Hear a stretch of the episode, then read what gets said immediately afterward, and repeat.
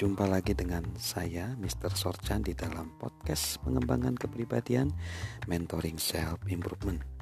Kita masih dalam konteks bagaimana meningkatkan kapasitas kreatif dan kita akan tiba pada pembahasan bahwa kita harus merasa nyaman melepaskan apa yang ada di kegambaan kita kita harus merasa nyaman melepaskan apa yang ada di genggaman di genggaman kita.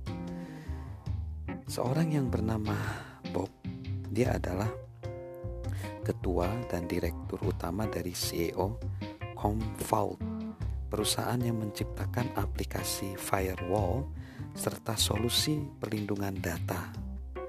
Klien mereka adalah perusahaan-perusahaan besar. Salah satu yang dilakukan Bob adalah merekrut orang-orang untuk menemukan kelemahan perangkat lunak mereka. Dia tahu ketika sistem perlindungan mereka hampir berhasil diterobos, perusahaan harus menyiapkan solusi untuk menanganinya.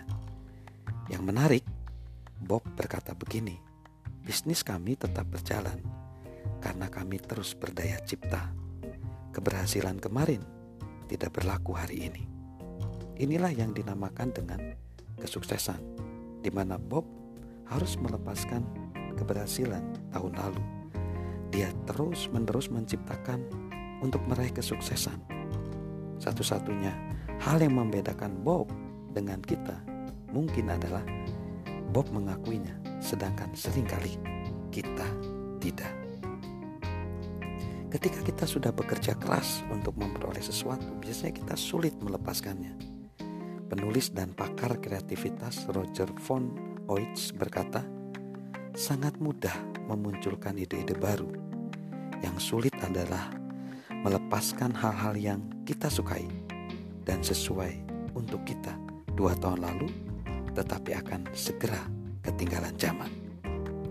Penulis penerima Nobel William Faulkner menyebut proses ini seperti membunuh kecintaan kita Berikut adalah beberapa contoh hal-hal yang harus saya lepaskan, kata William.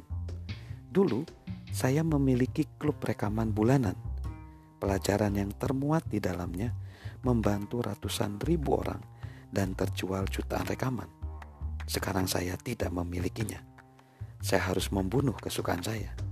Dulu, saya lebih banyak menceritakan keberhasilan saya dan bagaimana saya meraih begitu banyak hal.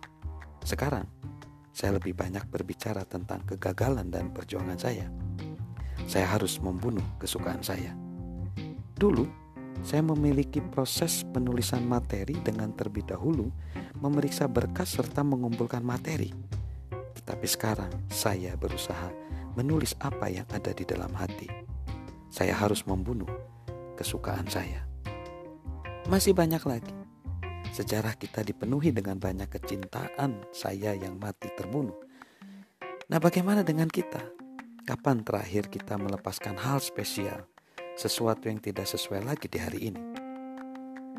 Nah, untuk kita bergerak maju ke dalam kreativitas, mari kita harus mengambil beberapa pelajaran seperti ini.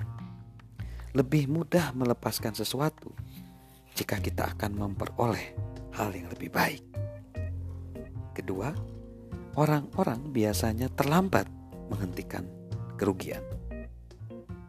Kesempurnaan hanya bisa terwujud karena ketidakpuasan terhadap kreativitas. Jangan mencari kenyamanan dalam struktur. Ketika sumber kenyamanan kita adalah struktur, aturan, dan peraturan, kita berhenti menjadi kreatif. Lihat ucapan dari Richard Branson pendiri Virgin Group. Orang-orang sering mengomentari betapa bagusnya cara Virgin berpikir kreatif melampaui batas. Mereka benar-benar terkejut ketika saya merespon. Sebenarnya tidak begitu.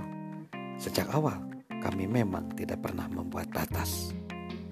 Kita tidak bisa menyukai batas, sekaligus kreativitas.